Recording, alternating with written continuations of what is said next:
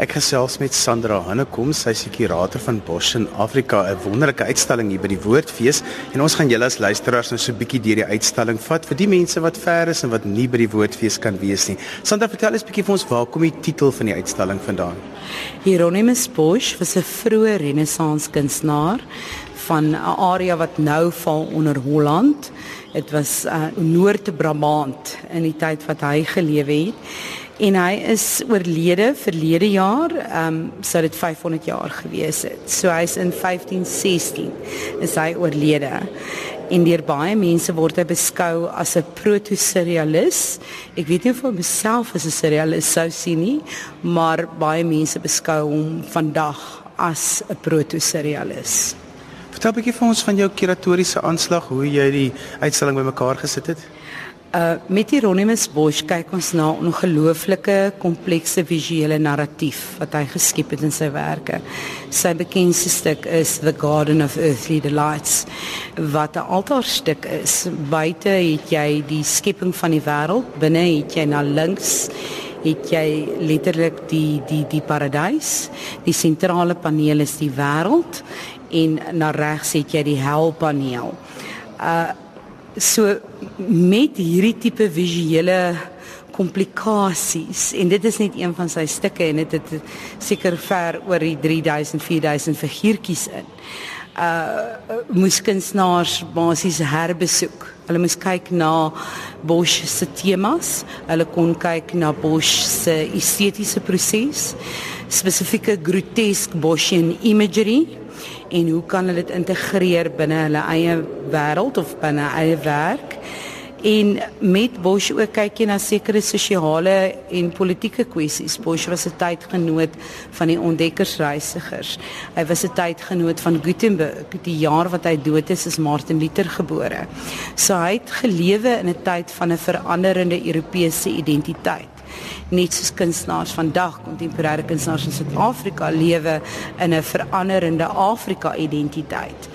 Europa destyds in die 16de eeu ons vergeet was nie die magtige streek wat dit daarna geword het nie dit was nog the debate was still on of die of die die die die meer uh, moslim gelowe of areas die Ottoman Turks daai ouens meer in beheer gaan wees van die die die toekoms van Eurasië en of dit die die noordelike Europeërs sou gewees het. So dit is interessant om net daarna te kyk om te want ons vergeet ons vergeet die wêreld is meer kompleks, stories is meer kompleks en niks was ingeets in steen nie.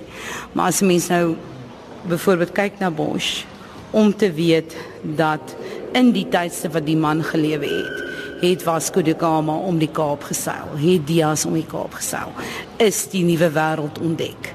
So hy was gekonfronteer met 'n veranderende spirituele en morele en etiese identiteit. Jy het Europa gehad, 'n middeleeuse Europa, 'n 'n meer feudale Europa wat oorgegaan het na 'n kommersiële Europa. 'n Europa gebaseer op handel, op moderne kapitalisme. Dit was die beginpunt van kapitalisme. En baie van sy werke bevraagteken hierdie nuwe um powerhouses soos die Medici's of die of die Fuggers van van van van van Duitsland. Uh wat ons nou al as normaal aanvaar. Destyds was dit nie. Nou Sandra na daai lekker inleiding, kom ons stap so 'n bietjie na van die werk en dan vertel jy vir ons jou keuse waarna jy te stap want hier is 'n hele klomp. Ja, hier is amper, ek dink is oor 150 werke wat ons op die einde gehang het. So dit is 'n verskriklike komplekse uitstalling. En wat vir my fantasties is, is die kunstenaars het die tema benader op eie soorte gewyse. Hulle het nie net uitgegaan en bloot um Hieronymus Bosch geillustreer nie. Um hulle they engaged him and they engaged they they engaged Hieronymus Bosch on African terms volgens ons identiteit. Ek wou nie hier my kunstenaars moes verdrink in Bosch nie. Kom stap nou Roan hy saam in sy werk toe want dit het op alreeds op Facebook voor die uitstalling al opslaag gemaak. Dit is 'n absolute merkwaardige stuk wat Roan hy se man gemaak het. Dit is 'n houtskooltekening um wat genoem word The Ship of Fools. Die Ship of Fools was een van Hieronymus Bosch se se groot temas wat hy meermale gebruik het. En letterlik jy het 'n bootjie en jy het 'n klomp sotte wat in hierdie bootjie hulle self bevind. 'n Rudderless sonder 'n toekoms, sonder 'n fokus. En hierdie spesifieke werk, ehm um, wat 'n baie realistiese ehm um, aanslag het, alhoewel dit nie 'n realistiese werk is nie. Um, is 'n portret van uh, die president van president Jacob Zuma en hy word vergesel op hierdie klein bootjie op 'n baie onstuimige see met uh, verskeie metgeselle en hy word in teenstelling geplaas met hierdie figure. Dit is 'n baie mooi portret van president Zuma. Ek persoonlik dink dit is die mooiste portret van hom wat ek nog ooit gesien het. Maar terselfdertyd het jy hierdie vreemde karakters in die bootjie. So jy het 'n klein dogtertjie wat besig is om heel lekker te drink aan 'n aan 'n aan 'n bottel wyn. Jy het 'n klein seentjie wat 'n sigaret rook, wat besig is om drank te de, de, de, met drank misbruik. Jy het 'n figuur van pan besig om te fluit op hierdie panfluit op hierdie hierdie amper malle bootjie. En dan agter is daar ehm um, twee ehm um, uh, manlike figure uh, eroties uitgebeeld ehm um, maar maar maar smaakvol. Twee mans wat minnaars is wat uh, en getroud is. Verwysing na sekere van die vraagstukke wat ons het rondom gemarginaliseerde groeperings en spesifiek mense van uit die gay gemeenskap uit en ook ehm um, as ons kyk na na na die president self in die werk hy word uitgebeeld in 'n tradisionele uitrusting wat baie ehm um, geassosieer word in terme van 'n patriargale identiteit van die Zulu chieftain the male Zulu uh, figure and what that implies. And 'n definitiewe identiteit. Ehm um, en 'n definitiewe idee rondom wat is manlike identiteit. En ek dink dit is wat so slim is van hierdie werk van Roan is hoe hy ook speel met manlike identiteit in die werk self met die teenstelling van die president teenoor daai twee figure want dit is 'n vraagstuk veral nou in Suid-Afrika wanneer daar ewe skielik weer bevraagteken word van ons konstitusionele beskerminge wat ons het rondom byvoorbeeld vryheid van spraak en selfs vryheid van assosiasie. Kom ons stap hier nou waar ons hoor daar so 'n kamer met 'n klomp voeltjies wat hoor dit is ook 'n baie interessante werk. Die luisteraars gaan nou die voeltjies so half in die agtergrond hoor. Hierdie is 'n absolute wonderlike werk om na te kyk. Ons is nou in 'n donker kamertjie met 'n fantastiese ligboks deur die kunstenaar Chris Koch, The Garden of Forbidden Fruit. Dit is 'n digitale werk wat Chris geskep het. Uh en letterlik, ek dink is amper 1100 verskillende lae waardeur hy gewerk het om hierdie kleurvolle werk te skep met honderde, maar honderde, maar honderde figure.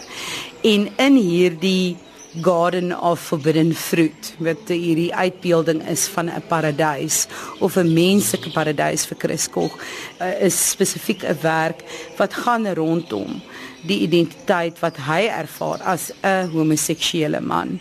So dit is 'n tuin gevul met mans.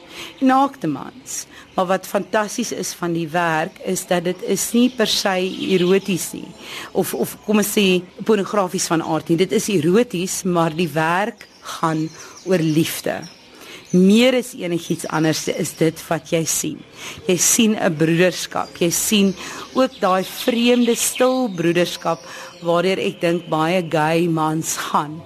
Is dit dit is 'n tuin in jou hart, dis 'n tuin in jou brein waar meeste mense nie eers verstaan daai tipe broederskap, daai koneksie tussen veral homoseksuele mans. Daai it, it transcends it's not about sexual choice it's about knowing it's about affinity. Dit gaan oor familie. So baie keer sal my gay vriende praat van familie. En dit is hoekom jy 'n anderste tipe familie moet skep Sandra, kom ons stap na 'n werk toe waar jy 'n bietjie digitale goed met 'n tradisionele oliemedium gekombineer het waar mense letterlik deur iPads kan kyk na die kunswerk en dan word die kunswerk lewendig. Ja, dit was nou nog 'n avontuur vir my want kyk, ek is nou maar 'n bietjie van 'n ou skool kunstenaar. Um in die woorde van Konrad Botes en en JC Kannemeyer is no school like old school. So dit was nog 'n uitdaging. Henning Ludeke het vir ons 'n werk geskep wat jy het basies 'n digitale reproduksie of 'n print van um the Garden of Earthly Delights van Hieronymus Bosch. En rondom dit het hy programmering geskryf dat as 'n mens kyk deur 'n smartphone wat nou spesiaal geprogrammeer is, dan raak die oppervlakte van hierdie digitale afdruk van Hieronymus Bosch begin lewe en jy het allerlei figuurtjies. So die kunswerk is as te ware Henning Ludeke se gesprekvoering um met Hieronymus Bosch se oorspronklike werk. Maar dit maak dit verskriklik interessant want dan is dit 'n direkte intervensie basies van een kreatiewe persoon binne 'n ander kreatiewe per, uh, persoon se se werk. En in hierdie geval is dit 'n gesprekvoering wat plaasvind direk um na 500 jaar. En en ek bedoel die die die moontlikhede daarvan is is is it's unlimited want dit gee ook vir mense 'n heeltemal 'n ander manier om 'n tweedimensionele werk te ervaar. Want jy het hierdie tweedimensionele skildery van uh, of altaarstuk van Hieronymus Bosch en deur die ek noem dit magic van tegnologie vervorm hierdie na 'n driedimensionele ervaring van daai selfde kunswerk. So dit transformeer the garden of earthly delights. En dan moet ons afsluit. Kom ons stap gou na jou eie werk want jy het ook van jou eie werk ingesluit. Jy's op hierdie uitstalling. Wat altyd interessant is van kurators is nogal geneig om al weg te skram daarvan om hulle eie werk op op so 'n groepstentoonstelling uit te sit. Uh nee, ek kom myself nie help nie. ek is ek is mal oor Hieronymus Bosch en ek is mal oor die Noord-Vlaamse kunstenaars en dit is die uitstalling het gesprei dink ek uit my persoonlike liefde vir Hieronymus Bosch eerste.